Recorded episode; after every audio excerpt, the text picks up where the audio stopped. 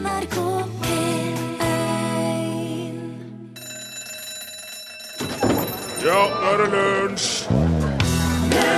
Ja, denne dagen 9. mars var merka med ei halv sol på primstaven fordi at været den 9. skulle holde seg de neste 40 dagene. Og hvis det holder stikk, så blir det ikke dumt for eh, min del. Jeg håper du eh, som hører dette, òg kom godt ut av det hvor du enn er. Nei, vi blir aldri ferdig med det der. Du hørte eh, Jay Giles Band eh, og låten het Centerfold. Ja, ja. Du hørte den i lunsj i NRK P1. Eh, Her er jo ikke bare Torfinn Borchhus. Men her er også Børge Johansen. Hei, hei. God dag og velkommen til alle sammen. Takk. Du ønsker han her. Ja, og velkommen til deg, Rune Nilsson. Ja, tusen takk, eh, Børge.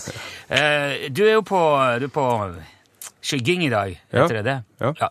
For uh, Torfinn skal på utover leke militærpoliti, Jepp. Ja. og Jeg skal på HV-øvelse Ja. Neste uke. Ja. neste uke. Men da ble jo du her. ja. Så det var fint at du kom innom og sa hei nå, så Ja. vet folk at du kommer. Du er jo folk jeg har hørt deg før, da.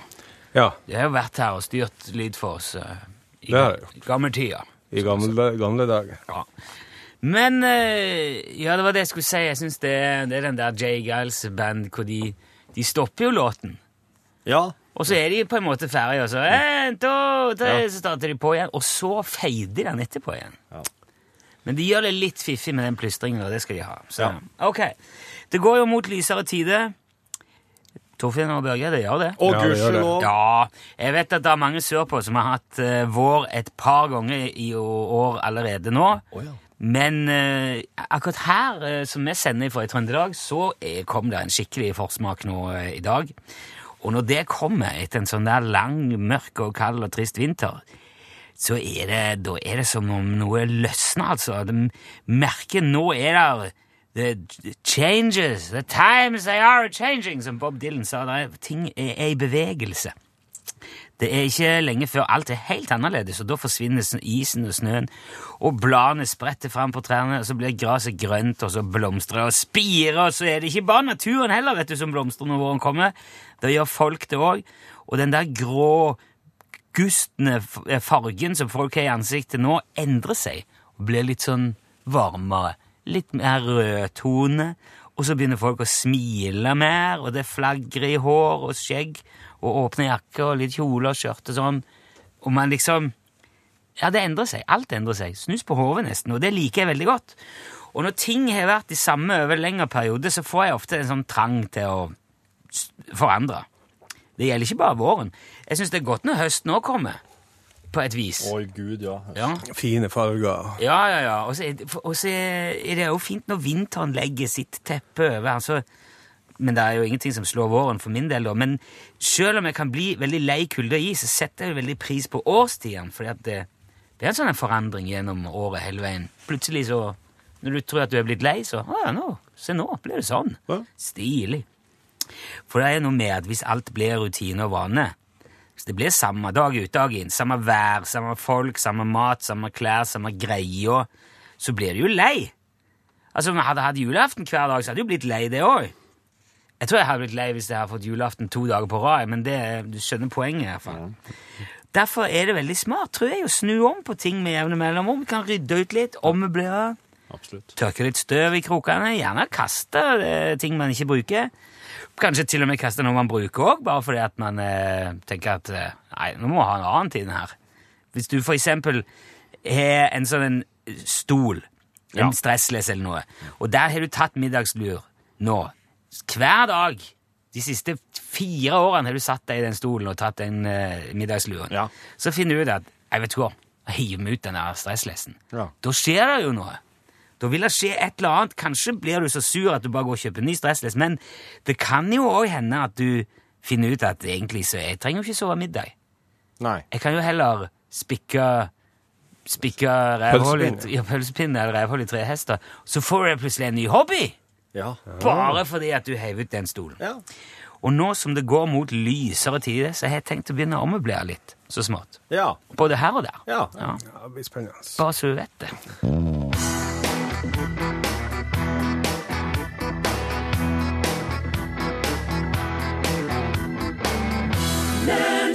Jo, da har han der. Litt god gammel norsk eh, gladpunk der. Det var Raga Akers lysere tider. Den er ifra eh, Blaff. Albumet Blaff, som kom i 1989. Og det tror jeg kanskje er min favoritt Raga Åkers eh. Der er jo Fritt liv òg. Ja, den er der, jo. Ja, nettopp der er den.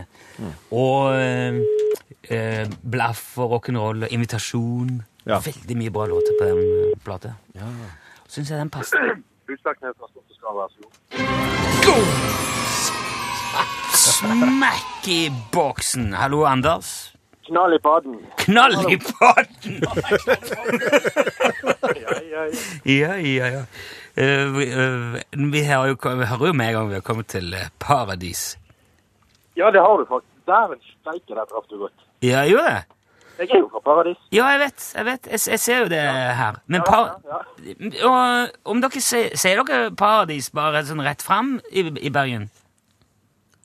Ja, på den der bybanen så sier de vel Paradis. Paradis. For, ja, for dere har jo et Florida òg der, men det sier de vel ikke Florida? Det er ikke Florida, nei, det er Florida. Florida. Å ja. Ja, nei, det Nå er trikket på rett plass. Hvorfor har dere sånne navn? Det var ikke det det skulle handle om. Men det er jo Det virker jo som om man prøver som om man kompenserer for et eller annet med å kalle plassene for Paradis og Florida, eller Florida. Men dette skal ikke du Ja, Du skal ikke stå til ansvar for det du, jeg skal ikke, jeg skal ikke si noe om det. Du var veldig sånn eh, på, Anders. Hadde du radioen på, eller har du bare Nei, jeg hadde eh, radioen på og satt her og hadde lunsj da, selvfølgelig. Ja, så bra. Ja, for det var Det er ganske stilig hvor sjokkert du blir når det ringer, altså. Ser du det? Ble du sjokkert? Ja, det ble liksom eh, Men det var jo, det var jo knall i padden. Du holdt hodet kaldt. Ja, jeg holdt vel hodet litt kaldt. Hvor, er du på jobb, eller er du på Jeg er på jobb på Bergens Tak. Bergens Tak? Driver du, Kjører du fløybane? Nei, jeg kjører ikke fløybane, men jeg jobber nå rundt den. Jeg eh, jobber i skogen. Å ja. Fløybane. Så du tar flybanen på jobb, da? Nei, jeg eh, er vel en av de som kjører traktor til jobb. Å ja! Det var så hyggelig. da. Men da har du kanskje radio i traktoren, sånn at du får hengt med og, og tatt telefonen samtidig? Ja, Hva slags traktor, traktor har du, Anders? Du eh, vet vel hva det er. Jeg har en New Holland. Ok. Ja, Ja, er ikke det Ford. Ja, en eh, var Ford, ja. Ja, Så det er ikke Massi, eller er det, er det Massi fins ikke lenger der. Å oh, nei. Nei, jeg bare spør deg, for du har Massi finnes jo, vil jeg påstå å si. Massi Ferguson. ja. Er ikke det case nå? da? Nei, nei. Valtra Fins fins. Massi Ferguson fortsatt? Massi Ferguson finnes, ja. Kjære vene. Nå, er- nå Wow! er det en fare for at du dreit deg skikkelig ut nå, Torfinn. Ja, Så artig! Ja men det, det, jeg, ble, jeg ble faktisk mer glad. Jeg ble glad for Massi, ikke så trist på egne vegne. For det å drite seg ut det er ikke så mange Mazda oppe i Folldalen nå, tydeligvis. Du, det har jo vært det, men jeg har jo seinere konstatert at eh, det har bare toga inn andre ting som jeg ikke har hatt så mye forhold til. Men eh, jeg tror vi skal bare runde av traktorhalvtimen og så si uh, gratulerer, Anders, med nydelig utført sentralbordtjeneste. Du har jo fortsatt én ting du må ta stilling til. Det er kamuflasjefarge eller svart uh, UTS skyggelue. Ja, det er den, ja. Nå har jeg hørt på det i alle år, hva folk har uh, tatt. Men jeg får ta Jeg, jeg følger strømmen, jeg, og tar svart. Svart. Det er greit. En klassisk lille sorte. Det, Egentlig så skulle jeg hatt oransje, for det skal jo synes litt her jeg går i skogen, så ja, ja, men da, du skal i hvert fall ikke ha kamuflasje, da, for da får du Nei, det blir jo helt feil. Ja. Tusen takk, eh, Anders. Ha en fortsatt nydelig dag i skogen. Selv takk. Flott. Ha Masse det bra. Ferguson! Ha det godt. Hvis du vil melde deg på det der du òg, på samme måte som Anders har gjort, så sender du bare UTS til 1987, og så skriver du ditt navn og adresse. Ja, UTS, mellomrom, navn og adresse, sende til 1987. Sånn er det det. Det koster én krone. Da er du påmeldt. Ringer vi da, må du svare. Altså, skal vi se Nei, det er ikke det. Det er ikke det. Du fikk Justin Timberlake der. Not a bad thing. Det er snart konfirmasjoner her til lands, og eh, der må en starte, med, starte forberedelsene i god tid. For eh, jeg veit at det er ikke artig å sitte og skrive en tekst i hui og hast eh, når det er mens du sitter der og på en måte overværer, seremonien. Nei. Nei, men eh, Ja, ok, du snakker generelt nå, for altså både du og jeg har unger. Jeg tror ingen av oss har vel barn som skal konfirmeres innenfor det neste halve tiåret, i hvert fall. Nei, nei, det er sant. Det er sant. Men eh, i Jeg vet ikke hvordan dere har det, men det er veldig fort gjort å bli spurt om å uh, hive frampå ei låt i en konfirmasjon eller noe lignende, Jeg synes konfirmasjon- sjøl om du ikke er far åt ungen. Ja, ja, ok, ja. Så jeg har, jeg, jeg har, jeg har litt sånn lyst til at oss kanskje i lunsj skal hjelpe folk med å, å eh, skrive litt sånn generelle konfirmasjonssanger framover på litt forskjellige melodier som alle kan. Og ja. Det er viktig at det er noe som er allment kjent. Absolutt. Jeg har, vært- jeg, har, jeg har i dag valgt uh, Star Wars main theme. Star Wars, ja. Hovedtemaet fra Star Wars. Og det er denne teksten her. Den Som teksten, du har delt ut. Nå skal vi altså uh, ta fram det hvite arket, alle sammen. Kan få på litt klang, Rune. Klang skal... Ja. Så bare sett Du i gang, du. det er ilddåp, Børge. Ja. Rett i boksen. Oss har en liten, det er, det er et lite forspill på låta, så bare sett den i gang. Ok. Nå, er- nå er det konfirmasjon. Nå er det konfirmasjon. Det hvite arket. Alle reiser. Ja, Ja, nå Har du blitt stor nå? Flytt ut fra mor nå? Jeg er seg sjøl. Tenk at du står for presten. Se for deg resten. Bli ingeniør. Og så en dag skal du bli gift og stå her igjen. Og da skal du tenke på den dagen. Dagen da du sto og lurte på hva du skulle spille på. Og da ser du at du valgte helt perfekt. Nå holder holde tempoet. Ja. OK. For nå har du blitt voksen, trådt ut av boksen, dra på seg lån. Nå må du legge en plan her, kan ikke gi faen, sett nå i gang. Sett i gang, sett i gang, sett i gang, sett i gang, sett i gang, sett i gang, sett i gang, sett i gang, sett i gang, sett i gang, sett i gang. Der er den ut. Vet du Ikke for det Er det lenge siden du var i konfirmasjon? Uh, ja, skrev vel 2000, tror jeg, men husker ikke helt. Ja. Du ble blitt voksen, trådt ut av boksen, dra på deg lån. Ja, Når de, du legger en plan når du er 14 år du, du, er jo ikke, Det er jo ikke sånn at du må, skal ut. du skal begynne med studier, og må jo dra, drar drar jo på lån da. Ja, det er litt igjen av ungdomsskolen.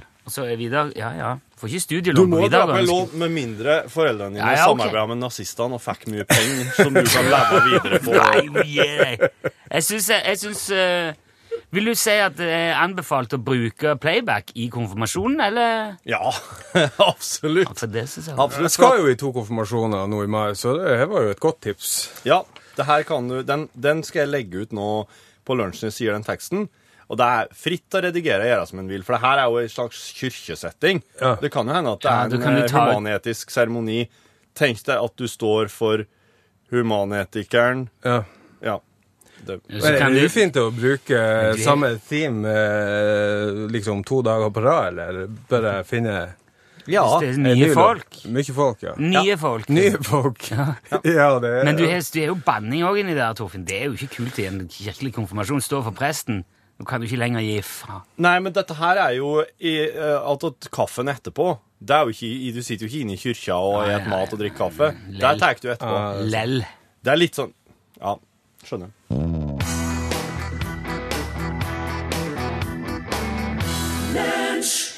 I snart fire år har vi nå drevet og ringt eh, vår påstått samiske venn Jan Olsen på onsdager her i lunsj. Og det har blitt en så innarbeida vane at jeg har jo selvfølgelig ringt opp i dag òg, siden det er onsdag. Hallo, Jan. Ja, hallo. Ja. Hallo. Hvordan står det til? Det står til ganske bra. Hvor er du i dag? Jeg er her. Ja, på vidda di, eller? Nei, nei. Ok. I leiligheten i byen, da? Nei, Nei vel? nei, nei. Men hvor er Du sier du er her. Hvor er det? Hvor er du? På flyplasset. Ah, skal du ut og fly? Tror du jeg er på en flyplass hvis jeg skal ikke fly? Nei, men hvor er det du skal fly, da? Opp i luften. Ja, men til hvilken dest destinasjon, Jan? Jeg skal fly til Amsterdam. Å ja, skal du til Amsterdam? Nei, Nei, du skal ikke til Amsterdam. nei. Hvorfor flyr du til Amsterdam hvis du ikke skal til Amsterdam? For å ta et eh, fly. Å ja, ja, du skal, du skal eh, reise videre fra Amsterdam, er det det du sier? Nei, det var det du som sa. Ja, men det er det du skal? Ja da. Ja. Ja, men hvor går det neste flyet ditt til da, Jan? Det er uh, hemmelig. Er det hemmelig? Hemmelig, ja. Ja, hvorfor det? Fordi ingen skal eh, vite om det. Ja, jeg skjønner det, men hvorfor uh, skal, skal ingen få vite om det? Fordi det er hemmelig. Ja, jeg forstår det, Jan. Ja vel. Men det må jo være en grunn til å holde noe hemmelig. Ja, selvfølgelig. Man holder ikke hemmelig uten grunn. Nettopp, og det er det jeg spør om. Hvorfor er det hemmelig hvor du skal fly videre til fra Amsterdam? Det er hemmelig, for ingen skal vite om det. Hører ikke du hva jeg sier? Jo, jeg hører hva du sier, men jeg, jeg lurer jo på om dette her er hemmelig fordi at du har bestemt deg for det, eller om det er hemmelig fordi at noen andre har bestemt det. Ja, det er for eh, noen andre har bestemt. Ja vel. Hvem da? Det er også hemmelig. Men, altså, skal du på ferie, eller er det jobb, eh, dette her? Ja, Det er eh, jobb. Ja vel. Kan du si noe om hva slags jobb det er? Ikke så veldig mye. Nei, men du kan si litt. Ja, kanskje det. Ja vel. Så Ja, det er, det er jo i hvert fall i utlandet, da. Nei, Er det ikke det heller? nei, nei. Ok, Så du skal, jobbe, du skal fortsette å jobbe i Norge selv om du reiser bort nå? Nei, jeg skal ikke i Norge. Så det er ikke i Norge, men, og ikke i utlandet heller? Ja, det stemmer. Å, dette her, Jan Hva da? Altså, skal, skal du jobbe på en båt i internasjonalt farvann, da, eller noe sånt? Nei, nei, nei. Men Jan, kan du ikke bare du, eh, eh, Skal du i verdensrommet igjen, Jan? Ja, kanskje det. Aha! Ja, det forklarer jo i hvert fall eh, hvis det ikke er i Norge og ikke i utlandet. Ja, det forklarer. Wow! Ja, hva, hva er det du skal? Hva er dette slags oppdrag, da? Hvem er det du skal jobbe for? Ja, det er hemmelig. Det er hemmelig. Men, hvor, hvor lenge blir du borte nå, da? Ja, det blir en god stund. Ja vel, snakker vi flere uker, da, eller? Nei, nei, nei. Ok, så vi kan ringes igjen eh, neste onsdag? Nei, nei, nei. Eh, Men, men eh, når er du tilbake da, tror du, Jan? Kanskje 18 eller 19, jeg vet ikke. Ja, altså i, i seks-sju-tida Kanskje det, vet. I- Men, men hvorfor en dag? Hvorfor en dato? Altså, Jeg vet ikke det. Hvis jeg vet ikke hvilket år, så hvordan jeg skal vite hvilken dag? hvilket år? Ja, det er mange dager eh, i en år. Ja, der er 365 dager Det er 366 dager i eh, dette året, for det er skuddår. Ja, ja, jeg vet det. Jo, men sier du at du er tilbake i 2018 eller 19? Ja, selvfølgelig. Altså år 2018 eller 2019? Vet du hva er et årstall? Men skal du være ikke i tre, tre eller fire år? Eller kanskje litt mer, eller kanskje litt mindre. Vi får se. Men eh, altså eh, Vil du ha Har, har du med deg telefon? Nei, nei, man kan ikke ringe med mobiltelefonen i verdensrommet. Jo, men er det, noe, er det noen annen måte det går an å få tak i deg på jo, mens du er på, på tur? Nei, man kan ikke ringe på hemmelig oppdrag. Men altså, når hadde du tenkt å fortelle om dette her, Jan? Mm, Jeg har fortalt.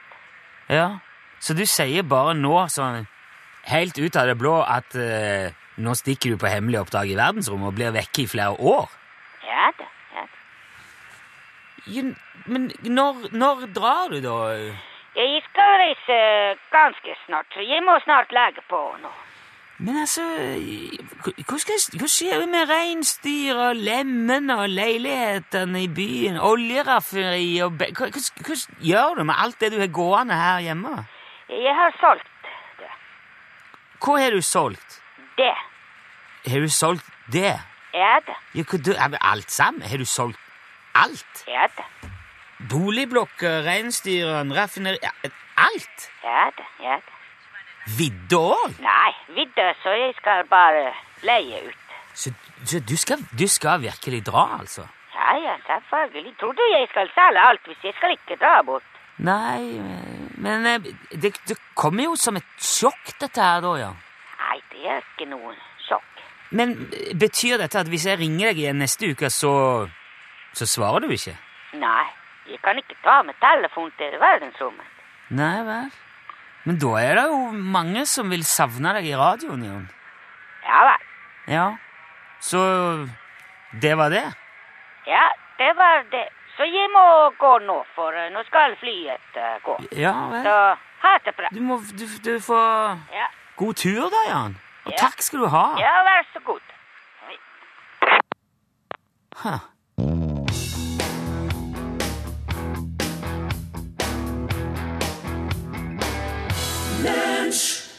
Du hørte Elton John der, uh, Rocket Man. I think it's gonna be a long, long time. Lunsj, radiogram 73, 88, 14, 80 Hallo, det er en Ståle som ringer. Eh, det tenker på det at altså, Lunsj det var jo en gang et eh, radioprogram, og et radioprogram alene. Og så eh, plutselig dukka det opp en sånn myteomspunnen podkast.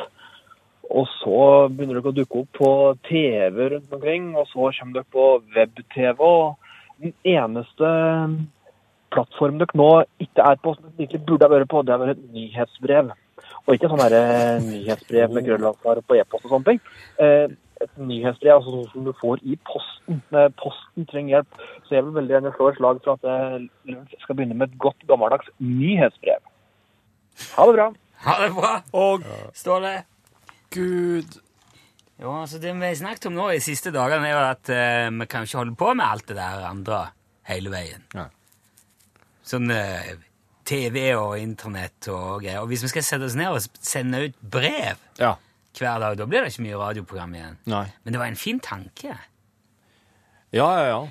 Altså, det er våger gøy med mer brev. Ja, det er jo sant. Det er jo hyggelig å få brev i posten. Det er, Ja. veldig, det er mye hyggeligere å få brev enn mail. Men hva, hva skulle vårt nyhetsbrev inneholdt som oss ikke kunne ha det på radio? Eh, nei, altså, det måtte jo være hvis Nei, jeg vet ikke. Kunne det vært teksten til den uh, konfirmasjonssangen. Ja. Ja, det er et godt eksempel. Ja. Men også, altså, det er jo eh, langt over Det er mellom 400 og 500 000 eh, i snitt som har eh, lønn. Det er veldig mange Da måtte du ha abonnert på det spesielt. Du kan ikke sendt ut til alle, bare. Nei. Og det hadde jo ikke, vi har jo ikke funnet det heller. Nei. Det er en veldig tung logistisk jobb, det der. Ja, mye frimerker å sette på, altså. Du kan kanskje gjøre det du nå, du, hvis Ja, du kommer inn. Ja. Så da er vi jo i hvert fall litt flere folk. Du, kommer, du kommer ikke til å ha et mønster i tung, tunga di. Nei, det er ikke sånn sleikefrimerke lenger. Det er sånn eh, klistremerke. Du, Og så har jeg sett at du kan få ditt eget bilde. Altså, Vi kunne lagd eget eh, lunsjfrimerke og, på, og sette på. Det kunne jo vært litt stas. Du kan laste opp bilder og sånn, og så får du eh, frimerke med bilde av deg sjøl på. Hva skjer med frimerkekunstnerne nå? Det er jo ei egen yrkesgruppe. Ja, de, har- de sitter med Photoshop på, Ok. I et kontor nede i kjelleren på Bring. Det var Og synd, printe. var synd da. at de- Fordi at før så satt de og malte dem for hånd. Ett og ett. skar ut Ja, sånn. ja, ja. ja, ja, Ja, ja. det er litt av et håndverk. Ja, det skjønner jeg. Nei, slutt på det. Hei, Rune og Torfinn. Dere har et kjempeprogram som jeg hører på hele tiden, og veldig mye alene. Jeg har vel aldri redd så mye som den gangen Rune sang inn Edvard Julie-sangen. Og han som ble innesnødd i Statene. Dere er jo helt unike og er jo kjempeintelligente. Hvordan dere lager program. Så flott. Stå på. Takk skal dere ha. Oi. Det er så hyggelig. I, I like måte. Ja. Jeg skal gjøre det. Ja, Nå holder du på å rydde alt mulig. Det, det kan umulig bli dårligere, i hvert fall. Nei. Og hvis Eva Jolie stiller til valg igjen, da blir det mer sanger. Det skal jeg love. ja. Hei, Nilsen, Borchhus, eventuelt Sende Osen. Det er Odd. Hei, Odd. Jeg sitter og kjører lastebil og har tida av og til til å tenke på veldig mye rart. Og jeg hører veldig mye rart i min jobb. Jeg fikk her en dag høre av en kompis av meg at idiot egentlig et gammelt gresk ord betyr en som ikke bryr seg. Men hvorfor kaller vi da alle fotballinteresserte gærninger for fotballidioter? For de bryr seg jo. Ha en eh, fortsatt eh, god dag. Ja, Det er i hvert fall ikke tvil lenger om at fotball er veldig populært. Nei, det er det ikke. For det er mange som følger med på det og er glad til det. Og det er verdens største idrett, så det er per definisjon populært, ja. Det er det. Ok, Men da er det jo her for heller ikke lov å si fotballidiot. Uh, nei, uh, altså, men en idiot, det kommer fra det greske Og det betyr en person som ikke er interessert i politikk. Si det ordet en gang til. Eh, det betyr en person uten yrkeskunnskaper, eller kan bety en vanlig innbygger. Ja, så vi er alle idioter. Ja, Og så er alle sammen idioter. Men som eh, Hvem var det som sang 'How Sweet To Be An Idiot'? Det er jo How sweet To Be An Idiot. Ja, hvem er det? Jeg vent, da, skal se på innboksen Ja, Man kan høre litt annet imens. her. Hei, hei. Det er Andreas som ringer. Hei, Andreas. Jeg ville bare si at eh, jeg synes at uh, Lunsj er et veldig populært program. Takk for meg. Nå Ja, takk, I Andreas. like måte. Ja, OK, nå, nå, nå er det det. Nå er vi Nå blir det det. Ja, OK. Hei. Jeg ser på skiskyting om dagen. Ja, Og Da er det Bjørndalen, og så er det Bjoerndalen. Og så er det brødrene Boe og Bø. Det er litt forvirra det. Så derfor så spør jeg Goethe, var han en pøt? Rune, Rune, nå er jeg spent. Goete. Børge og jeg satt og hørte gjennom radiogrammene mens du drev og med noe annet. Og da brukte oss vel gode to minutter på å finne ut eh, hva vår venn fra uh, Farendal sa. Goethe, var han en pøt? Ja, det er riktig. Du forsto det rett. Hva betyr det da? Goethe, var han en poet? Ja. Ah, ja. Han Rune skjønte det på kortere tid enn oss. to. 15 sekunder. Og vi jo, var men to. Ja. det er jo eh, det- Man bytter jo eh, ø med o og e. Ja. ja. Men man gjør jo ikke det andre veien. Nei. Og gjerne ikke. For da vil jo Ja, for da vil jo lunsj hete lunsj. Luensj, ja. Ja. Men det gjør det innimellom noen steder av og til i eh, sånn. Ja. Hvis man ikke har ø tilgjengelig.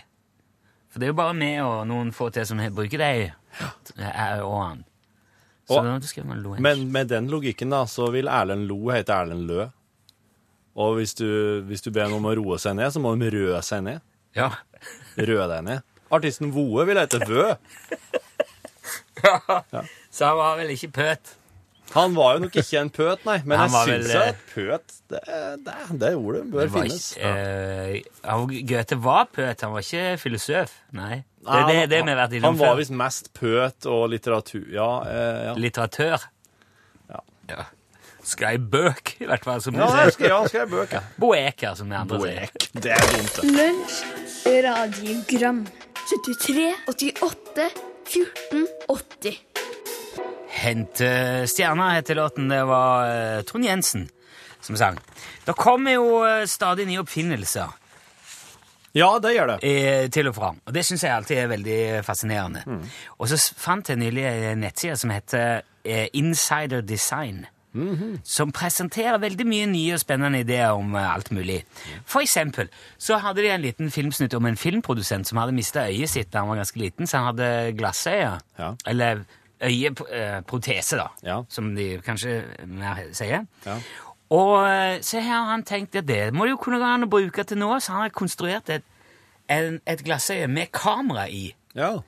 Så han kan gå rundt og filme Altså alt det han ser, filme. Ja. Det ser litt sånn sprøtt og rart ut, for han har jo en liten linse og en ledning og greier inni øyehulen sin, men han driver og jobber med nå så ser mer øyeaktig ut. Men så kan han gå rundt og bare lage film Ja. bare se. Det syns jeg var godt gjort. En annen stilig ting som visstnok er på vei, det er en sånn blodårefinner. Det er ei LED-lampe som bruker infrarødt lys til å visualisere blodårene i armen. Og det er akkurat som du holder eh, armen under en sånn liten projektor, så, så, så eh, lyser den opp et lite vindu nesten, det er akkurat som en liten skjerm på armen, og så er, ser du blodårene der. Så hvis du holder fingeren på, så ser du at du stopper blodet. Slipper, så er det helt tydelig. Og det er mange som har vært på sykehus og fått satt sånn kanyler, og sånn, så vet at det kan være vrient å finne de årene. Veldig, eh, veldig praktisk og greit. Jeg kjenner folk som har blitt sendt hjem, for de fant det ikke. Ikke sant? Og Kan så- de ha det vinduet der? De hadde visst ikke blodår. Det er jo en alvorlig tilstand. Ja, det er jo det. Da sender du ikke folk hjem. Nei. Jeg vil si at den legen som sender folk uten blodåre hjem, han gjør ikke jobben sin. Men det her er jo veldig sånn high-tech, eh, snasende ting. Men det som blåste meg av banen skikkelig på, blant alle disse oppfinnelsene, det var noe som sannsynligvis egentlig ble oppfunnet 1500 år før Kristus i gamle Egypt. De, kjen, mest, de eldste kjente eksemplarene stammer fra mellom 3000 og 4000 år tilbake. Saks. Ei soks blåste etter banen. Ja, den gjorde det. Fordi, har du prøvd for eksempel med vanlig saks å klippe i, i litt hard papp? Ja. Det har du gjort. Det går fint helt til du kommer til et visst punkt. Hva er det som skjer når du kommer et stykke inn? Ja, den begynner jo liksom å klemme seg att over hånda di. Ja, Ja. Han, du, du kiler neven Ja. imellom, og så må du begynne å lirke, og så må du prøve å klippe på skrå, Ja. så blir det skjevt, Ja, det blir det. og så blir det stygt. Det de har gjort nå, de har laga ei saks i 90 grader. Så den holder du ikke sånn eh, inn- innover, sånn, si, sånn som en vanlig saks. Du holder den, Hvis du setter neven rett fram, eh, horisontalt, sånn Ja. som det Ja. Eh, Det er det er vertikalt, vertikalt, ja. unnskyld. Vertikalt, ja. Ja. Og så setter du tommelen i den ene, Ja. og resten av fingrene i den andre, og så gjør du som en saksebev... Eller som en sånn um, Ja, som når du driver med sånn treningsapparat. knyttneve, stramme knyttneve. Stramme knyttneve. Og så går saksen ned Mm. og fram i 90 grader. Så de har lagd et ledd på den, så når du drar ut og inn, så klipper det en vanlig bevegelse, men du holder over den, skjønner du? Ja. Og dette hadde de i gamle Egypt. Nei! Det har de først funnet ut nå, vet du, 4000 år senere, og det er det som er så genialt med det. Ja, ja, ja. Ja, tenk Ja. at det går an. Eh, selve bladet peker rett fram. Du kan holde du, hånda over pappen, eller Ja, det ja, du klipper til enhver tid. Og den skal jeg skaffe meg når, eh, så fort som han kommer. Det, du må jo, det kan jo være at det kommer i veien for det du skal klippe, at du ser du, Nei, det kommer ikke i veien. Det er bare veldig, veldig små. Ja, ja. Så du kommer til å se det sporet du skal klippe etter, sjøl om knyttneven Ja, din ja, ja, ja. blir over det? Ja, men du kan se litt på sida. Ja, ja. Skjønte du hva jeg mente, Bård? Ja, jeg skjønner jo absolutt. Jeg har sittet og nikka lenge. Ja, er ikke det veldig, er ikke det veldig praktisk? Ja, og absolutt. bra? Jeg trodde du hadde fått slag, sjø. Hvorfor det? Han satt og nikka sånn. Ja, Å, mm, Prøve å følge med, da, vet du. Det var jo et triks eh, fra studietida, det der eh, å nesten med åpne øyne klare å sove, og fortsatt la hodet gå som en slags interessert Men du- eh, student. Da må du nikke på, på de rette plassene. Du kan ikke bare nikke som en sånn bubblehead, som det heter, sånn som står på dashbordet i bilen. Nei, det kan være dumt. Ja. Jeg har en liten sånn en på pulten min, som heter Hoptimisten. En sånn liten fjør, liksom, med et artig fjes på. Hoptimisten? Ja.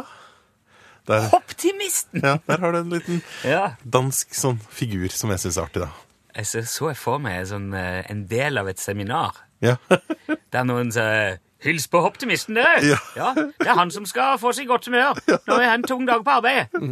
Hva er din optimist, Torfinn? Det Hvis du hadde fått en dashbordfigur av meg som hadde liksom ja, hoppa fram og tilbake det ville jeg hatt, ja. Ja, ja. det, Pål Plassen, skal, Bubblehead. skal vi kunne ordne. Ja. Du, eh, er jo, det er jo din tur her nå, Pål. Ja, og i dag så var det akkurat som om teppet ble revet bort under oss i redaksjonen, for de har jo søren meg flytta starttid på, lang- altså på skiskytinga i Holmenkollen i dag. De skulle starte 15.30, men eh, så bestemte de seg plutselig for at nei, nå skal vi starte klokka ett isteden. Oh, ja. Og hvem går det utover andre enn plassen? Så det betyr at i dag så blir det norgesklasse fra 12 til 13, eh, og så skal vi overlate til skiskytinga. Og da tenkte jeg skulle ta beina på bordet og virkelig følge med. Ja, på Hvem er det som skal gå? I dag er det damene som skal ut og gå sin 15 km. Men du har jo ei time sending før. Ja, har du og det skal handle der, om masse der Ja, ja. også. Bra. Blant annet så skal det handle om en av verdens mest berømte skihoppere, som også var verdens dårligste. Eddie the Eagle. Nemlig. Og så skal vi på besøk til et hus uten noen mutter og skruer. Men eh, det er jo en teknikk som er kjent for lenge siden, men nå hadde jeg kommet på moten igjen. Altså treplugger? Nei, eh, hør nå, da, så skal du få høre hvordan man har klart det her. Mitt. Ja. I Norgesklasse NRK P1, som straks er i gang i din radiokanal Stifte, nummer uno. Ja, der sa han et sant ord. Speak up. Hallo? Nei, jeg må snakke inni. Ja. Du er ikke så langt inni. Du må verbalisere det sånn. Ja, så, sånn. Samme linje. Du må ha rødlyset på. Ikke det? Ja, nei, dette her, her er oss kobla det fra, for at uh, det setter i gang og bråker på det mest rare tidspunkt. Ja. Så uh, den her har vel tatt ut batteriene, tror jeg, egentlig. Men det var, eh, det var artig så lenge det varte, ja. Ja. Bråker sånn mekanisk, eller kaster det støy på Nei, det er sånn sirene. som det- Oh, Ja, det er jo litt upraktisk. Og så begynte han å leve sitt eget liv. Ja. Ja, og det er jo litt spennende når, eh, når datamaskinene våre gjør det, og robotene våre og Ja. Sant. Ja. For da Der kanskje Jeg skal ha en kaffe, så jeg kommer snart igjen. OK. For der, eh, der, der oppstår Altså, der ser en da Kanskje, tenker jeg, er det der det vesle spaltinga som Som liksom Altså et slags digitalt liv, da. Ja, sant. Der oppstår det et eller annet. Det er en uh, digital evolusjon. Ja. A glitch in the matrix. Det første steget. Ja. Men uh, siden det da bare er inni den boksen her, som ikke er kobla på noe grid eller uh, trådløs eller noen ting Så vidt vi vet. Ja, så vidt oss vet. Det her er jo bare en liten gadget som en Rune har kjøpt på nett, tror jeg. Mm. Det er rødlampe og fire knapper. Det ser ikke ut som det er laga i Tyskland. Nei. Den Og skal jeg gjette, så er, vel Kina relativt høyt i kurs.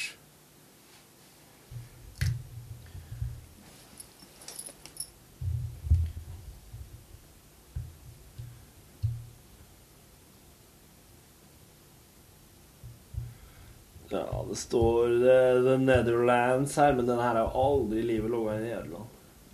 Da har de iallfall vært på kafé før de eh, designa det. Ja, det er kontorbonus eh, med gjest og straks eh, nytt redaksjonsmedlem Børge Johansen. Ja, takk. Du var jo med på sending i dag òg, så det er jo ikke dem som hører dette her, med mindre de hopper over den ordinære sendinga i podkasten og bare høre bonusen, så Du var jo med i dag og ble jo presentert, og det ble jo også sagt at eh, du skal være min vikar eh, i neste uke når jeg skal på HV-øvelse. Ja. Og hvis, hvis det går så bra som oss håper, da, da blir jo du òg min vikar i mai og juni når jeg er med på Ikke gjør dette hjemme. Ja, vi får håpe at det går Ja. bra. For Ja. det hadde jo vært litt artig.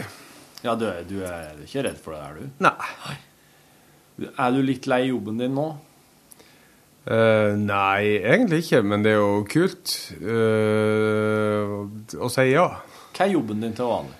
Jobben min til vanlig er å mikse TV-lyd og styre med noen jingler for P1 Pluss, faktisk. Og du driver med P1 Pluss-jinglene? Ja, det er ikke jeg som lager dem, da, men uh, jeg mikser dem jo opp. Hva mener du da? Ja, altså, jinglene produseres av et firma i Nederland. Gjør de det? Ja. Så sender sende P1 Pluss eh, Hvem er det som er jinglestemma på P1 Pluss nå? Eh, det er Henning Olstad og Sigrid Gjella. Så da leser de inn eh, det de skal ha med i jinglen, og så sender de det til Nederland? Nei. Det er det jeg gjør. Du legger på stemmene deres, du. Ja, jeg får bare instrumentale jingler fra Nederland, og så, og så det som mikser i hop. Ja. Før så laga vi jinglene. Ikke til P1 pluss, fordi at de har jo bare holdt på noen få år. Ja. Men i, jeg gjorde det samme i P3, og da laga vi jo jinglene sjøl. Mm. Men uh, nå uh, er det også et firma i England da, som lager deres jingler. Ja. Hvis at uh, Lunsj skal ha nye jingler nå, Ja. er det da noe som oss er nødt til å Eller altså, er det noe andre må gjøre det? Jeg tror ikke, det, jeg tror ikke at man må det. Men uh, det er sikkert uh, et ønske om, fordi at de, altså folk på huset skal drive med det som er primæraktiviteten deres. Mm. For uh, har nemlig drive og spekulert litt på om oss skal Eller oss, oss ble spurt av en som heter Vidar, som jobber med lyddesign i eh, NRK-systemet, Ja. om oss ville ha ny uh, lunsjvignett Ja. Og sånn nå når eh, P1 skal ha ny lydpakke. Ja. Um, for oss har jo den derre Brulers, du, du, du, du, du, dim, du, du, du, du, du, du. Og jeg vet jo ikke hvordan den nye lydpakken til P1 skal høres ut. Får du noe nytt nå snart? Ja, blir en ny til lunsj òg? Jeg, snak, ja, jeg snakket med Vidar om det, en slags revidert et eller annet, kanskje. En variant av det han Ja. sa nå. Ja. Som eh, blir eh, revidert, holdt jeg på å si, av det samme firmaet som lager resten av vet de i hvert fall eh, lager noen forslag og noe greier. Ja. Som Ja, vi får se. Ja. ja. Jeg, jeg, jeg er spent. Jeg har ikke hørt noe, så jeg vet ikke hva Nei. For at jeg vet jo at når jeg jobba i P3, så drev vi jo bare og laga jingler sjøl. Ja. Og det hørtes jo deretter ut. Noe hørtes skikkelig bra ut, annet hørtes helt ræva ut. Ja, og det er vel det som er tanken. Eh, Det er vel derfor at det skal eh, harmoneres. At ja.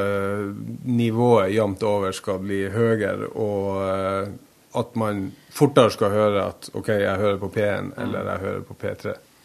Eller en annen kanal. Jeg tenkte jeg håper de, at de gjør det litt sprekere enn det er i dag. De må jo markere forskjell fra P1 pluss Ja. i en enda større grad. Det syns, for jeg syns det Du, Hei. det er en ting jeg må ta opp her. Ok. Jeg har fått et brev. Altså, jeg eh, Det er ikke drapstrussel. Nei, nei, nei. Det er det motsatte. Jeg snakket jo tidligere her om at eh, jeg fikk en, jeg fikk en tekstmelding fra kraftleverandøren som sa at uh, siden du er så lojal kunde, så vil vi gi deg et flakslodd. Det kan du gå og hente på Narvesen. Ja. Og da uh, syns jeg det var noe jækla tull, så jeg bytta strømleverandør, og så gikk jeg aldri og henta det flaksloddet. For jeg vil ikke ha som strømleverandør som driver og pisser vekk hele overskuddet på flakslodd. Da kan de heller gi meg litt billigere strøm. Hva er liksom tanken nå. Nei, men jeg, får, jeg, jeg blir så jeg kicker når folk skal liksom bestikke meg. Ja. Jeg vet ikke hvorfor. Kanskje det er jobben som gjør det. Kanskje ikke, vi kan ikke ta imot bestikkelser. Hvis, uh, hvis Det er ganske lett å bestikke det. Ja, jeg er jo det, men det er i hvert fall ikke, ikke sånn offentlig. Jeg mener at um, hvis noen sier Hvis du melder deg inn i den bokklubben, så skal du få uh, en ryggsekk og en termos. Da tenker jeg med en gang Er det så elendige bøker dere selger ut at dere må prakke på det? Lure folk med termos og ryggsekker for å få dem til å vende seg inn? Så da så gjorde jeg ikke det. Men nå har jeg fått et brev. Hei, Rune. Her har du en utfordring. Nå misbruker jeg kontaktinformasjonen dere gir ut i offentlig til å prakke på deg et flakslodd. Som takk for en lang rekke gode lønnsprogram. Takk til Torfinn òg, men flaksloddet er bare til Rune. Hvis du vinner 1000 kroner eller mer, så oppfordrer jeg deg likevel til å dele likt med Torfinn. Hvis du syns dette er langt over streken, så får du finne ut hvem jeg er og sparke meg ut av podkaststyregruppa. Jeg oppfordrer deg til å enten skrape eller brenne flaksloddet i podkasten. Du, er det maskinskriver? Ja. Steike. Ja, det tror jeg pinlig det er. Altså ordentlig med skrivemaskin. Eller Ja, det kan se Det er sånn skrivemaskinfont. Luft på det. Hilsen S, styremedlem. PS. På generelt grunnlag, generelt grunnlag sympatiserer med deg når jeg ser at firmaet kaster bort penger på unødvendige ting istedenfor å gi meg bedre eller billigere tjenester. Når jeg hørte hvor mye du hisser deg opp over Flakslodd-SMS-en, så kunne jeg imidlertid ikke la sjansen gå fra meg til å fire opp litt mer under på dette. Sorry. Og her er det da et flakslodd på en million. Få se på brevet. Bare få se på brevet. Ikke på en, Flakslodd er jo ikke på en million, men det er sånn, du kan vinne en million. Det er Ja, Det er i hvert fall skrivemaskinfont, for du ser at Å-ene her Ja, Og det- Ø-ene er mye er- Ja. De er ikke brukt. Lukter jo på det. Mm. Hvis du Jeg tror det er printa. For uh, du hadde vel hatt sånn gjennomslag i papiret hvis det hadde vært skrevet med gammeldags skrivemaskin. Det kan være sånn en elektrisk skrivemaskin. Eller elektronisk. Er de så forsiktige?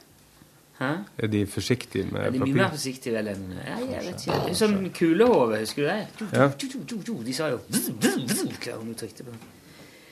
Altså Står det ikke her Bak på, bak på loddet. Per seks millioner lodd så er det tolv premier på en million. Fire premier på 100 000. 20 premier på 10 000. 1000 premier på 1000 kroner. 5000 premier på 500 kroner. 18 100 premier på 250 kroner. 25 000 premier på 150 kroner. 25 000 premier på 125 kroner. 170 000 premier på 100 kroner. 290 000 premier på 50 kroner. Og 1 180 000 premier på 25 kroner. Per 6 millioner lodd. Ja, jo, men da er det jo eh, Det er jo ikke eh, Det er jo ganske stor sjanse for å vinne et eller annet, da. Ja. Det er vel liksom hver femte lodd eh, omtrent. Hvis det er nesten Det må du regne på. Kan du regne på det? 170 000, 200 Altså to, tre, fire Halvannen million premie, og ikke noe sånt? Cirka. Ja, 1,28 millioner premier av 6 millioner lodd. Altså Jeg kan ikke Jeg kan ikke skrape det og, vi, og så er det penger der, og ta de pengene sjøl. Nei. For uh, Hva skal du gjøre med hvis du vinner? Du vil dele med meg. Nei, ikke du heller. Vi må gi det til et formål. Børge Johansen. Skittpreik-seminar på Ja, det kan vi gjøre. Skitpreikseminaret på Tautra. Ja. Ja det blir jo menigheten veldig glad for. Står forresten noe der til. Ja, takk. Tom flaske. Han sier enten skrape det eller brenne det, da. Ja, du må jo skrape det. Men eh, det er kanskje lurt å bestemme hva pengene skal gå til på forhånd? Ja, det, det må vi gjøre. Uh, ja, men, ja, men men kan, kan ikke, kan ikke det, Hvis det er en million der, så går det ikke an å skrape det og ta det. Nei, nei, nei, men, men det, det, hvis det er en million der, så kan kan ikke la det gå til skitpratseminaret på Tautrail. hva er Er det beste, med, beste formålet som fins for oss å gi til?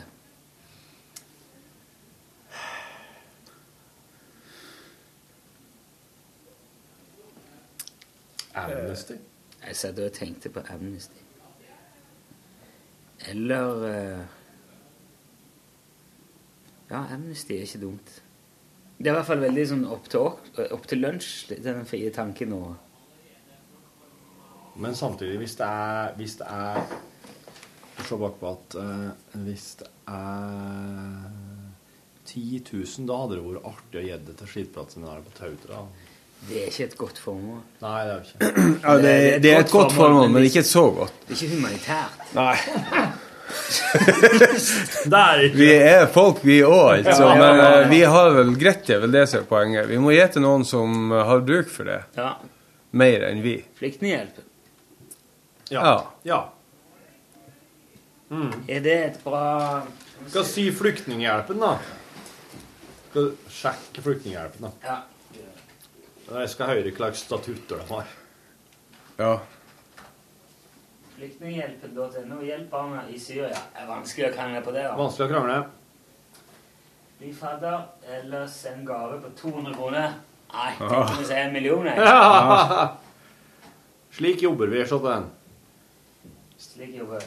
Vi hjelper barn på flukt og familien deres. Når basisbehov som mat, vann, trygghet er dekket, begynner med det langsiktige arbeidet med å få mennesker på fot igjen. Bidrag til Flyktninghjelpen går til mennesker på flukt fra krig og forfølgelse. Mer enn 90% av kostnadene går med til å oppfylle oppdraget, nemlig hjelpe mennesker på flukt fra krig og konflikt. Selv om mange får hjelp, er det fortsatt tusener av barn som ikke når fram til. Jeg liker veldig godt at det er snakk om barn. Jeg tør Det sto ingenting der at vi, at vi er en stor organisasjon som eh, med mange mennesker ansatt, eh, og Gud og Jesus og halleluja. Ingenting slik sto det? Nei. Kjør på. Eh, Ikke sånn vi diskriminerer homofile daglig. Det. Støtt oss. Nei, bra. Norwegian Refugee Council. Mm. Det, ja, Ja, det, det må være noe sånn livs, ja. livssynsnøytralt. Og, Og, ja. ja, også nå, liksom akkurat nå, er Flyktninghjelpen det er det man skal hjelpe nå, syns jeg. Ja. Det er det med Det er der det trengs. Jeg tar jeg på uh, Keisersplekter. Der Ja. Da sier du etter hvert hva du får. 100 000! Wow! Oh. Og bare opp, en opp. Ja. Ja, ja. 250 kroner. Oh, wow. Oh.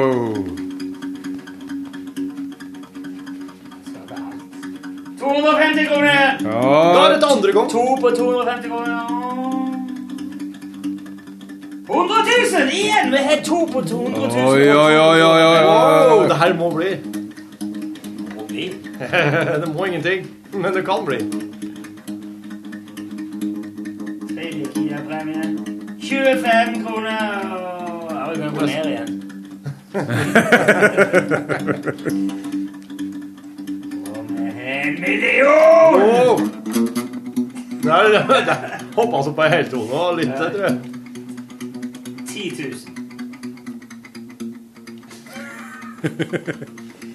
Er vi altså 100 000, 100 000.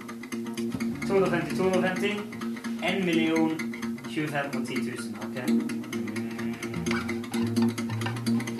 Fy fader, så fint det var gitt en million til flyktninghjelpen. Kom igjen, kom igjen. Daddy needs a new pair of shoes. 25 kroner. Er du på bonus? Uh... Nei da. Det er bonus òg, men jeg er ikke begynt på det. Ok, Nå er det vel én igjen, hvis den er Vi kan ikke vinne en million. Ja, men. Vi kan vinne 100 000. Vi kan vinne 250 kroner. Vi kan vinne 25.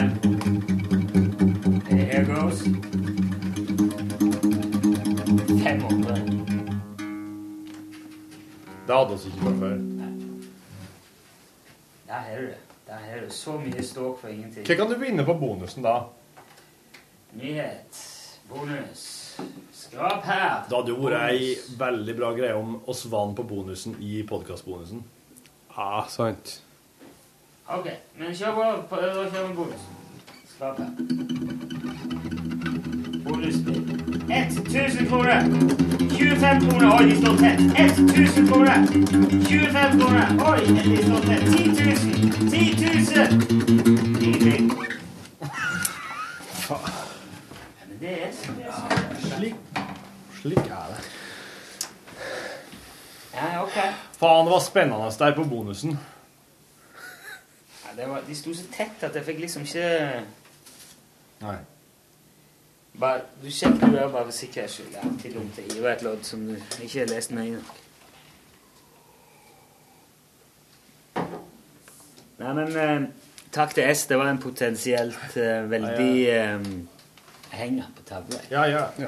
Et godt minne. Det kunne jo blitt en ordentlig fin ting. Så ble det bare drit. Ja. Som, som venta. Men eh, ja, jeg, var det jeg skrev? At oss, oss kunne prøve å finne ut hvem en vedkommende var. Han eller hun var, men eh, det var visst oss ikke vi har skrått på det. Nå har vi skråpa på det, så oss tok ut tok den. Enten skrape eller brenne i podkasten. Ja. men ja. Men, eh, jeg tenkte at jeg skulle kanskje ringt til Tor Gjermund Eriksen og spurt om jeg kunne få det loddet, så høre hva han sa. Men eh, det hadde ikke vært moralsk uansett. Eh, Man kan ikke erverve seg noe gjennom en sånn uh, jobb som det her. En sånn funksjon. Nei. Og ta det sjøl. Det går ikke. Nei. Sånn er det. Ja, enig. Nå er det skiskyting, og norgesklasse har bare én time sending. Ja. Derfor har de nå rigga seg til med pølse og potetgull og full pakke uti der. Ja. Tenk hvis vi skulle spist pølse hver gang vi bare hadde én time sending. Ja. Hver dag. Det blir mye pølse. Ja. Det sier jo Altså Det sier litt om Om pølse. Kunne jo ha avveksla med sjøpølse. Faen, sjøpølse i Lompia, går det an? Ja, det tror jeg. Hvor, hvordan, hvor stor er sjøpølse? Er det som ei colaflaske? Eh, Jeg må vel si at jeg egentlig ikke har eh, holdt i det sjøl, men jeg har sett det på TV, og det ser ut som sånn i grillpølse eller middagspølse. Ja, det gjør det. Og det er visst uh, selv som fersken uh, Ja. i Sørøst-Asia. Ja, se her, ja. Å ja, den, ja, men den er såpass stor, ja. Ja. Oi. Det er ganske stor sjøfølelse, det der. da. Ja. Og så tror jeg de eh, vrang, For de ranger den for å eh, skjølle ut, liksom. Det er masse sand og dritt inni dem, så 2000 kroner per kilo. oh. Kineserne kan betale opp til Men eh, Altså, jeg, jeg kan jo si, jeg kan si ja eller nei. Jeg skal ikke begynne å prate om kinesere her, for det nå synes jeg Nå ble jeg veldig nysgjerrig. her. Skal vi ut og sanke sjøpølse? Ja. Kråkebollerogn og alt mulig sånn der skit er jo eh, eksklusiv vare.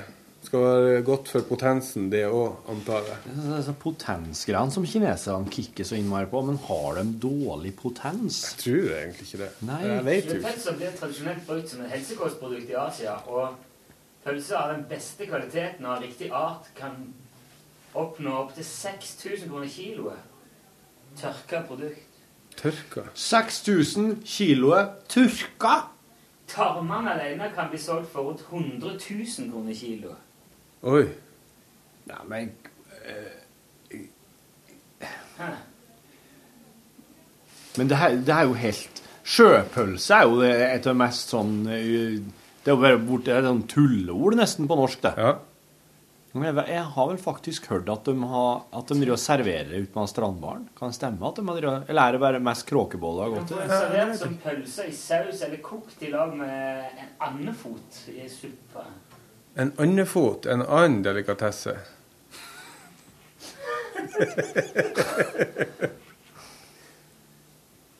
Herregud, dette her er jo helt utstyrt. Ja, det der var helt vilt. Jeg er jo knapt sett til sjøpølse. Er det mye sjøpølse? Jeg vet- Ja, det vil jeg tro, men eh, det er sikkert ikke helt oppi fjæra. Kanskje det er litt, eh, på litt dypere vann. Det er derfor vi ikke ser det, for vi ikke driver og dykker. Ja. Men det er jo eh, det er en slags bløtdyr, det òg, eller? Ja. Det er kanskje godt? ja, skal vi ikke se bort ifra. Det er mye godt i havet. Det er veldig mye godt. Hva er det beste i havet? Krabbe er jo jæklig godt. Jeg er veldig glad i skalldyr. jeg. Ja. Krabbe og kreps og skjell og Jeg syns jo skrei egentlig er noe av det beste. Fordi at eh, den har jo egentlig sånn skalldyrsmak. Den spiser jo masse sånn småkreps og Ja. reker og skit, så det smaker jo eh, mer skalldyr av skrei enn av vanlig kysttorsk. Vet du, jeg var nede i eh, fiskebutikken nede i sentrum her. Og skulle kjøpe skrei nå en måneds tid siden, kanskje. Og så da kunne han fortelle meg, han som sto i kassa her, at eh, i fjor da, så hadde de eh, returnert og anmeldt alle som sendte dem torsk pakka som skrei. Ja. Det var 50 stykker. Hva er forskjellen på torsk og skrei? Det er to forskjellige fisker. Ja, det er, det er beslekta fisk, men det er eh, to forskjellige arter, egentlig. Skreien kommer jo til Lofoten først, altså det er jo det som er kjerneområdet for å gyte, og så fer den ut i Atlanterhavet igjen, så vidt jeg vet. Hvor den er hen når vi har sommerferie, det må faen vite. Men kysttorsken er jo her hele tida. Den er litt lengre og smalere. Den er litt sprekere enn torsken. Eh, Torsken er litt mer eh, kraft, eh, tjukk på en måte, eller kraftig. Ja. Og så er den litt lysere i skinnet vanligvis. Men det tror jeg er fordi at kysttorsken lever eh, Altså eter jo andre ting også ja. oppi tarre, tang og tare og sånt. Og i år så hadde de bare gitt opp å returnere og anmelde alle som sendte dem torsk. Og var merka som skrei. Nesten alle gjorde det. Det er jo, eh, det er jo eh, heftig. Ja, det er, det, det er så mange som eh, har kjøpt seg skrei nå når det er skreisesong, ikke sant? Som drar hjem med torsk. Men Og mange kjenner ikke forskjellen heller. Men det lukter, det lukter annerledes av skreien. Sånn når du har fersk fisk og Ja. lukter på fisken Akkurat. før du varmebehandler den, så lukter det litt annerledes. Det er sånn, det er noe sånn skalldyr-touch over det. Det var, han sa at alle dem som ble anmeldt i fjor, mista jo lisensen sin. Ja. Men det var eh, like mange og enda flere som gjorde akkurat det samme til i år. Så det er blitt sånn produktforfalskning, det. Produktforfalskning. Hey. Det er herlig. Ja, der var det Jeg var og spiste på en av mine- min yndlingsrestaurant her for litt siden. Og det er en enormt god sjøkreps som de serverer. På forskjellig vis. Og jeg har jo hatt litt sånn sjøkreps sjøl som jeg har kjøpt fra en garasje borti her. Men eh, det, det er liksom så vanvittig god smak og konsistens på den som de har på denne restauranten. da. Så kjenner jeg han som eh, koker der. Og så sier han da ja, men vi jukser jo litt, da. han. Fordi at eh, de eh, Først så griller de skallet litt grann av krepsen. Så koker de kraft på det, eller trekker kraft. Og så reduserer de, reduserer de den kraften inn til det blir nesten bare hva, altså, Saus. Bare så vidt det er flytende. Så en svart uh, masse. Og rett før de serverer det der grilla sjøkrepshalet, så pensler de med det. Ah. Og det er vel ikke lite godt, vet du. Det var smart, ja. Det er et godt tips. Ja. Og um, vi lagde jo sånn en uh, bisk her uh, når vi hadde sånn middag forleden. På kongekrabbeskall. Det var veldig godt. Ja, det er veldig godt. Koke Altså først varmebehandle, frese det skallet til Ikke for mye, men sånn at det akkurat bare trekker ut masse smak, og så trekker kraft på det. Koke inn. Men skreien har liksom Altså, nå diskuterer vi ikke smak lenger, fordi at den er jo delt. Men skreien har jo vært sinnssykt viktig for Norge. Altså skrei og sild selvfølgelig som mat for lokalbefolkninga, Ja, ja. men som handelsmiddel så har jo skreien vært jækla viktig. Altså Tørrfisk.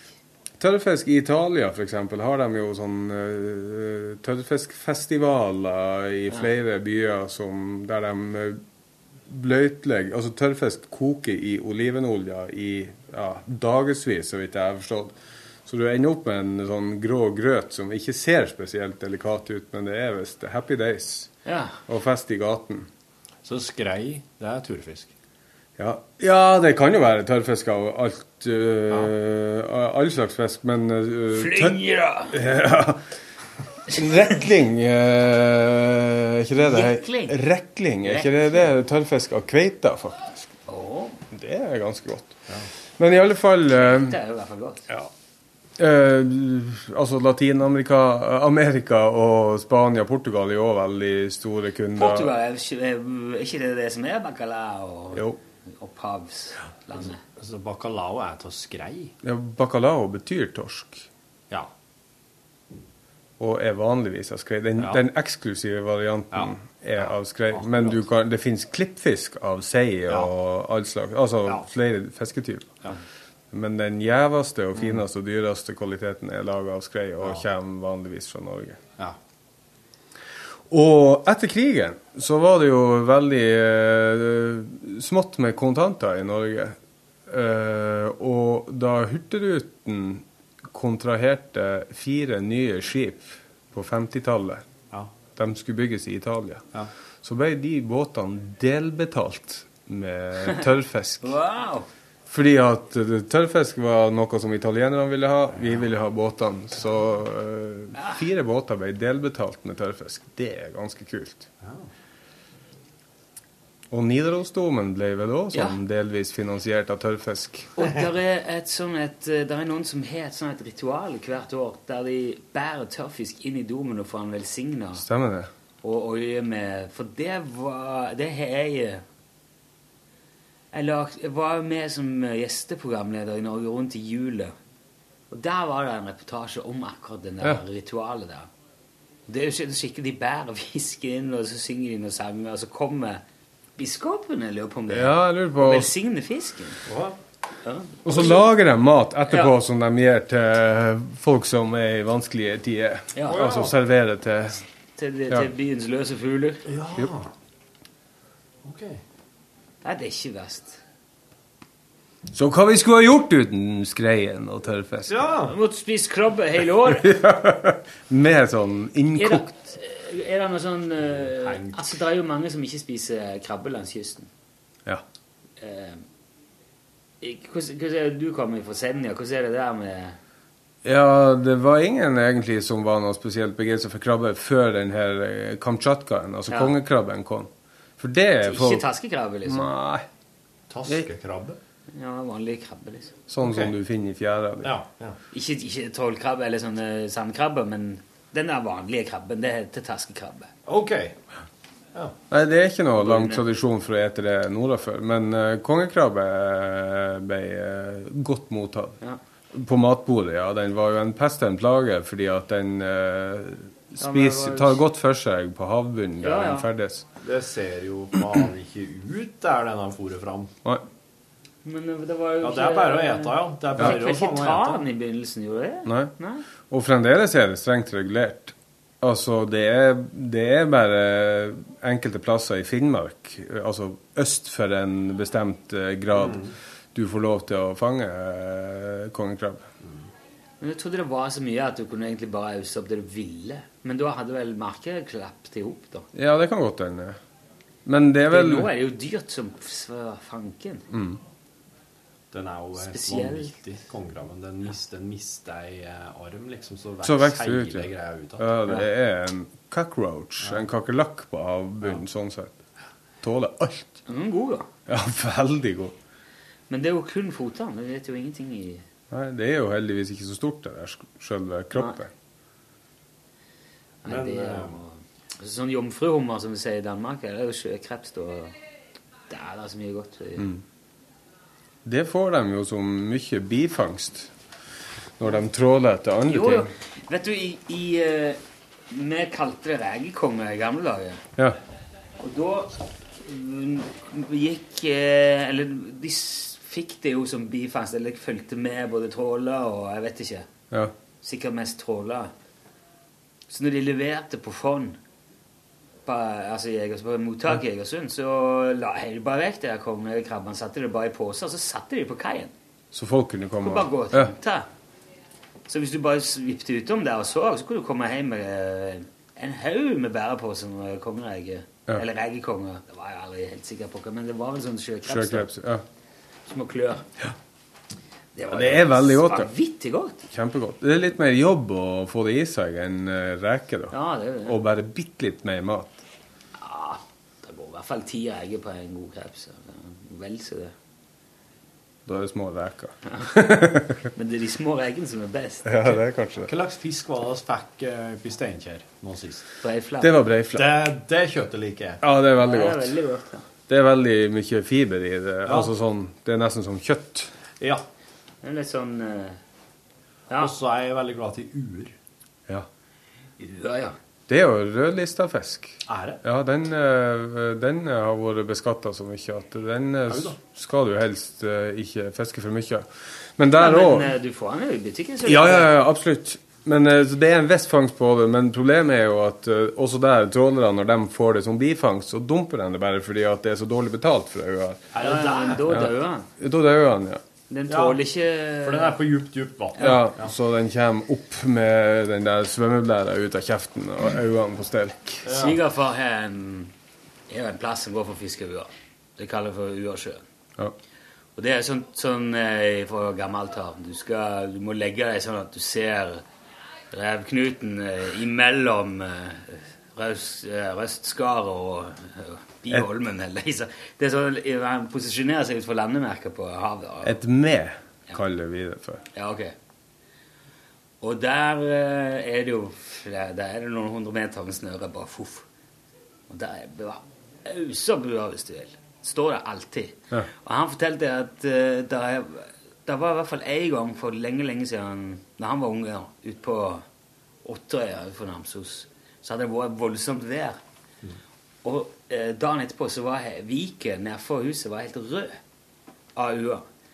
På- Været eller vinden hadde stått på, bølgene hadde gått i sånn retning at det hadde kasta opp Ja. uaen.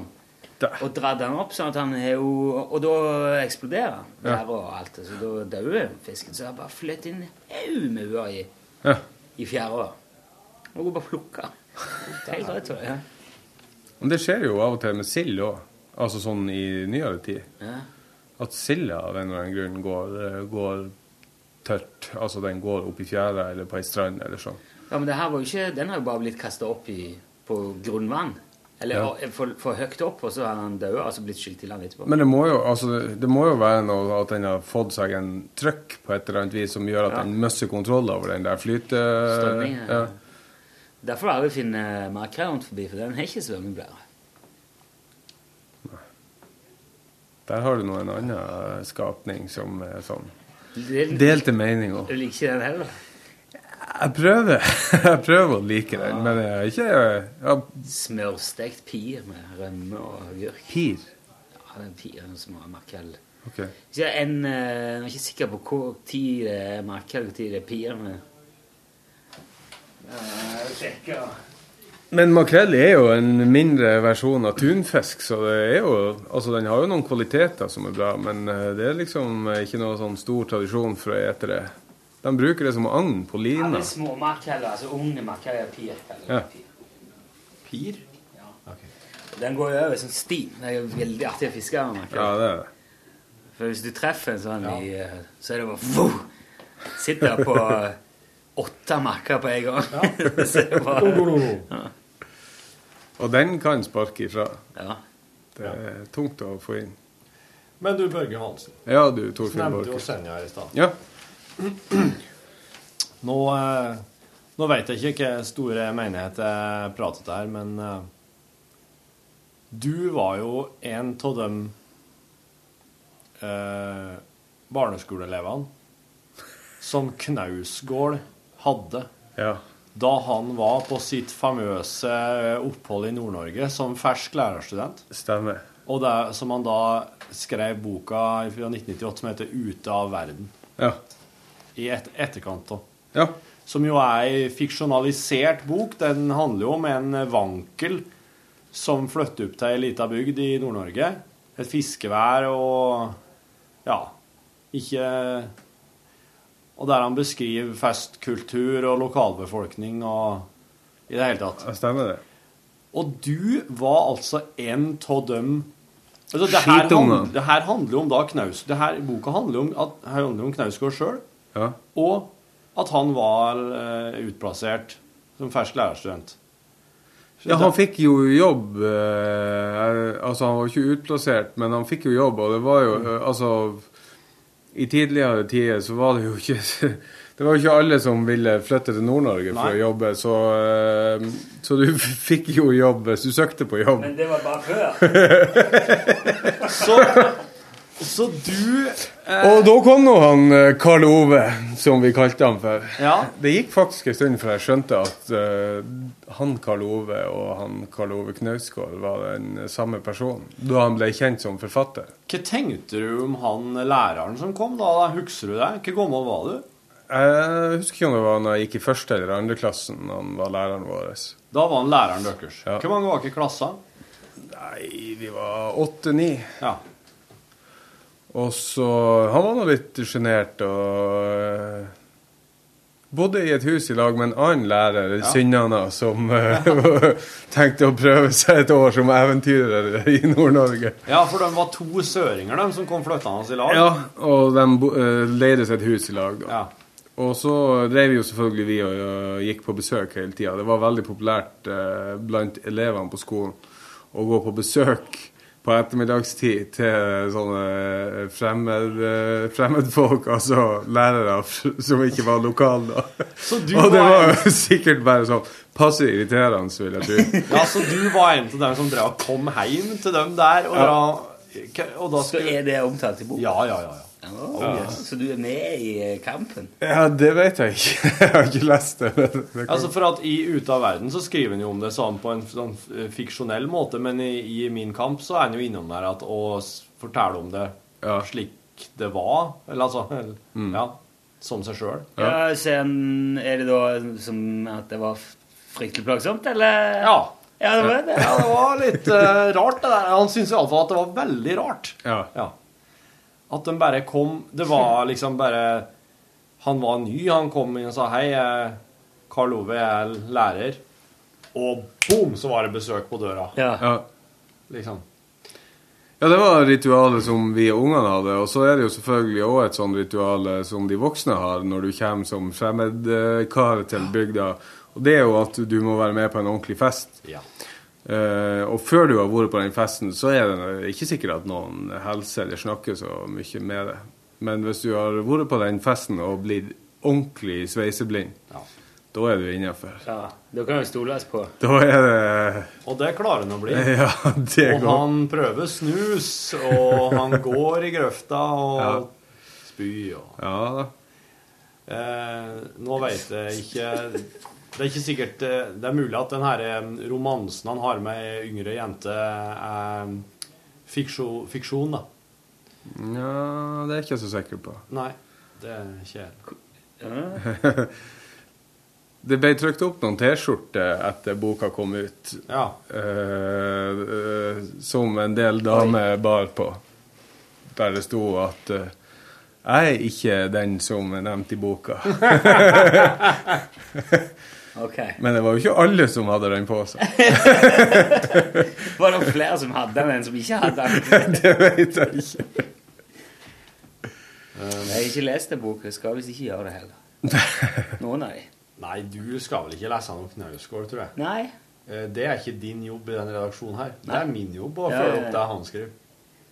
Nei, men det var så mye hype at eh, Nei, da kan jeg ikke. Da kan jeg ikke. Du syns ikke det er noe populært? Nei. Nei, Det er jo populært. Det er jo ikke lov til å si noe annet enn det. Populært er nemlig ikke subjektivt betinga. Det en, enten er det det, så er det ikke. Det er ikke lov å synes at du Nei. Det er det ikke. Det har vi jo lært. Det blir språklig helt feil. Ja, ja, Ja. ja. Mm. ja. Jeg gikk på en skikkelig smell der, gitt! Han lurer på om eh, kanskje Norgesgata ble litt forstyrra i skiskytinga. Det jeg i. De Jeg håpa kanskje at de, at de tok et eh, hint. Men uh, eh, dette her er jo Nå har jo Tonje, da, som var i lag med Karl Ove Knausgård da de bodde i Bergen, hun har jo laga sin versjon på radio som heter Min versjon. Men hun var jo ikke, så vidt jeg kan huske, inne i bildet da han bodde på Nei, Senja. det var hun ikke. Men nå har jo Det her er jo da din versjon. Ja. Børge Johansen. Det kommer ikke ut som eh, bok. Nei, nei, men Ikke Tonje pamflett engang. Tonje sin er bare radiodokumentar, det òg. Ok. Ja. Fanzine. Ja, kanskje det. Så nå, har- nå har du fått eh, Fortell. Er er det noe mer du ønsker å legge til i saken? Nei, jeg, jeg kan huske en gang vi var på besøk der, så han Lars Ivar, som han het, han andre læreren som han bodde i lag med, han uh, satte på en uh, ei vinylplate som han hadde, som het uh, typ eh, ti minutter stillhet, eller et eller annet. Det var et kunstprosjekt, antar jeg. Men det var altså ei vinylplate med, Ingenting på? med ingenting på. A la bildet 'Isbjørn i snøen', som er bare helt kvitt. Som, sikk, som sikkert er bare tull. Men uh, det syns jo vi var utrolig rart. Ja. Veldig, veldig rart. Ikke artig, men bare Ja, det var bare rart. Det som du ble litt redd. For så dårlig den ja, faen. Det, var, det var over streken. Det var fryktelig rart. Hvor lager dere prater det ikke noe på? Dette der må de ha tenkt. Det er jo, det er jo populært, diskusjonen. Hvis du vil ha stilt, kan du bare la la la være å sette på noe. Ja, tenk jo faen ikke kjøpe ei plate. Det er flere hundre kroner for å få tom, med stillhet. Bare hold kjeft. Gikk dere hjem og fortalte at foreldrene deres? Det kan ikke jeg huske. For det hadde i så fall blitt ganske Jeg husker også at, at Tenk, eh, vi, om vi korrigerte ja. Vi korrigerte brødbakinga òg til han Lars Ivar, husker jeg etter. For at når han eh, hadde, hadde deigen oppi brødforma, så brukte han knyttneven og bare bam, bam, bam. Og så setter han det til heving. Og jeg hadde jo sett jo mamma og bestemor bake brød, og de gjorde jo ikke sånn. De rulla dem jo ut, og så la dem forsiktig oppi. Så da husker jeg at jeg sa at det er ikke sånn man baker brød. Ikke på Senja. Tipper han Carl Karl Ivar, nei, Karl Ove, han eh, satt bare og sigga han borti en krok når dere drev og Ja, han Lars Ivar var litt mer eh, serviceinnstilt til oss unger. Det er jo si-si. Ja, nei, nå er han eh, Nå er han eh, Norges mest populære forfatter. Ja. Ja. Trodde det var Jostein Gaarder. da. Han går, går forbi han nå. går forbi Hamsun nå. Nei, jeg tror faktisk Jostein Gaarder er vel han som har solgt mest uh, av noe norsk noen gang, er han ikke det? Fremdeles. Sofies verden. Ja, Ja, det var det i alle fall. Ja, men det var vel sånn voldsomt, det der. Det er jo, ja. det hvis han har gått forbi noen Knausgård, så er det jo Det er nødt til å gjøre nå. De har jo ikke fått gitt ut alle Min kampbøken på engelsk ennå. Skal vi se Mestselgende norske forfatter. Ja Hva er det her? Knut Gørvel? Så skjer er her? Podkasten Fem minutter stillhet. Ja. Mange tror at Jo Nesbø er Norges mestselgende forfatter, men nei da. Det er Frid Ingulstad. Ingulstad har med sin romanserie 'Sønnavind' nådd et totalopplag på over seks millioner eksemplarer de siste ti årene. Hun skriver det som egentlig er litt sånn eh, eh, De vil jeg liksom ikke ha henne inn i Forfatterforeninga og slike ting, vet du, for at det er litt À la uh, den isfolket Ja, og det noe der sånn kiosk... uh... Ja. OK. Forfatterforening. Eh, jeg tror ikke Jarl Rackstad har fått være med i Norsk Countryforening heller. Det er liksom samme greia. Jeg traff i går var jeg en tur, svipptur i Oslo, og så traff jeg Tore Renberg på forfatter på eh, flyplassen på Værnes. Ja. Og så satt han med Mac-en sin og ei bok. Og så sa jeg "S- Skriver du bok? Nei, jeg sitter og leser. Og da sa han eh, Han har funnet eh, Han måtte sjekke ut Mikkel Fønhus. Ja. Eh, eh, for det er en sånn forfatter som alle vet Det er mulig jeg sier noe jeg ikke skulle ha sagt nå. Ja, ja. Nei, det forstås. Nei, i hvert fall Det var et forsøk på å sjekke ut en forfatter som alle vet om, men som ingen leser lenger. Ja. Er det, er det relevant i det hele tatt, eller er det bare Har du lest Fønhus? Nei.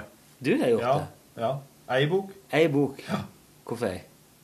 Jeg har lest uh, Orhanen og rævungen? Nei, den heter Ørne. Der uh, Der morgenfis. Ja, et eller annet slik. Der Men Ja, la- Konglene henger øh, vannrett. Det er lett å google Mikkel Fønhus. Det er bare å skrive MIKKJ. Da er det første. Eh, hvordan var du, du ble med den ene? Hva, er det noe grunn til det? Der villmarken suser. Oi, oi, oi. Det er, ja, yes. Det er han som har skrevet tro, Trollelgen, vet du, og Ja, ja, ja. Reinsbukken på Jotunfjell. Tore hadde en teori om at han eh, Jeg var i hvert fall ikke noe særlig begeistra for folk. Nei, det er Han ikke. Fønhus. Dæven, mannen og hunden på den store vidda, den har jeg òg lest. Det er Det er men, eh, en eh, same og en hund som eh, ferdes i lag. Det handler om hunden. Det handler aldri om folkene som eh, Folkene har ikke noen, skulle sagt. Det er, det er dyrene som fer og svinser rundt, som Ja. skriver. Men de Så det er før en hund som er med Som først er knytta til ei sånn slags vekterstue, en sånn plass eh, på vidda. Og så kommer det en eh, lapp Eller same, da, men han omtales som lapp i den boka. Kommer en lapp Ja. forbi. Det er, det er jo nesten 100 år siden. Han. Ja. Blir uh, Får et litt sånn nært forhold til denne hunden når han er innom der. Og så bare Ja. Eh, Hunden kan kanskje bli med meg, den har visst det er greit. Ja, så blir hunden med han, og så drar han rundt på vidda og gjeter rein. Og... Så finner hunden seg noen andre eiere, og så dør hun til slutt. Så det er en, et, et hundeliv, Ja. rett og slett, den boka. Det er jo en annen bok, eh, film som heter 'Et hundeliv'. ikke? Nei. Nei, 'Mitt liv som hund'. Men altså, hvis du liker naturskildringer, så er jo Fønhus eh, helt topp. vet du. Ja, det er det. For at menneskene sine liv, de er mer sånn litt sånn, litt sånn uforklarlige, merkelige greier. Det de driver med, det blir liksom ikke forklart i det hele tatt. Men det dyrene eh, føler og opplever Han skriver liksom sånn som du er inni hodet på dyret. da. I hvert fall Ja, det jeg ok. har lest. Det er veldig interessant. Det inspirerte meg til å lage disse her eh, samtalene med dyr, samtaler på fuglebrettet, f.eks. Ja. ja. Slike ting. Så Fønhus er grepet inn i vårt univers òg, altså. Ja, absolutt. Jeg lurer på om vi må plukke opp ei. Ja. De er, de er ikke lang. Det er lettleste Nei, jeg så greier. det. altså. Jeg så det. Det- det var jo ikke rare greier. Driver Tore Renberg og leser det her? Han skulle sjekke det ut, da. Jeg skal ikke si noe mer, for det er mulig at det er noe de skal ha noe opplegg på. Men Det var derfor jeg sa jeg vet ikke hva jeg skulle si. For det var noe han holdt på med, jobba med. da. Ja. Men han hadde i hvert fall med seg Fønhus. For at han er jo helt diametralt motsatt i sitt forfatterskap, vil jeg si. Han skriver mer om eh, folk enn dyr, sånn som jeg eh, har opplevd det til nå, i hvert fall. Ja. Ja. Nei, ja, men da er jo uh, Eneste ikke sagt, da, det er at uh, Jan drog i dag. Jan for, og det er Som lovt i går. Ja. Og jeg skal si deg, Rune var glad og fornøyd der når han hadde fått lese, og redigerte, lese inn og redigerte. Og når det var sendt på lufta og Ja, det var mange kilo av skuldrene. Ja. Reaksjonene eh, vil jo, kommer jo ikke først og fremst nå, de vil jo komme neste onsdag og onsdagen deretter osv. Når folk skjønner at dette her er alvor. Mm, det er det. For eh, Stopper ikke han der når han skal av gårde på noe? Nei, nei, nei. Det som er så artig med de figurene som har vært med en stund, er at de, nå er han eh, på reisa, han, oppi hugget vårt. Han er der ute. Eh, Akkompagnert av Elton John. Ja. Fra nå og for alltid. Det ble en litt rørende eh, greie, for at eh, du hadde gjort det litt mer sånn følelsesladd enn jeg hadde venta. Eh, og så kjører så klart Rocketman òg, som musikken eh, Ja, det forsterker følelsene. Ja. Men at det ble litt sånn ja, OK, ja, ha det bra. Takk, liksom. Og, ja. Jan er jo kort, som vanlig. Ja, ja. Du merker at du ble litt sånn Nesten litt sånn ettertenksom der. Ble jo veldig overraska at det gikk så fort.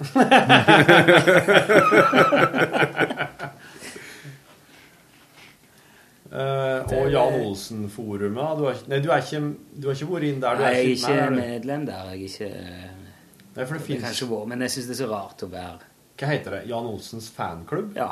På, på Facebook, ja. ja.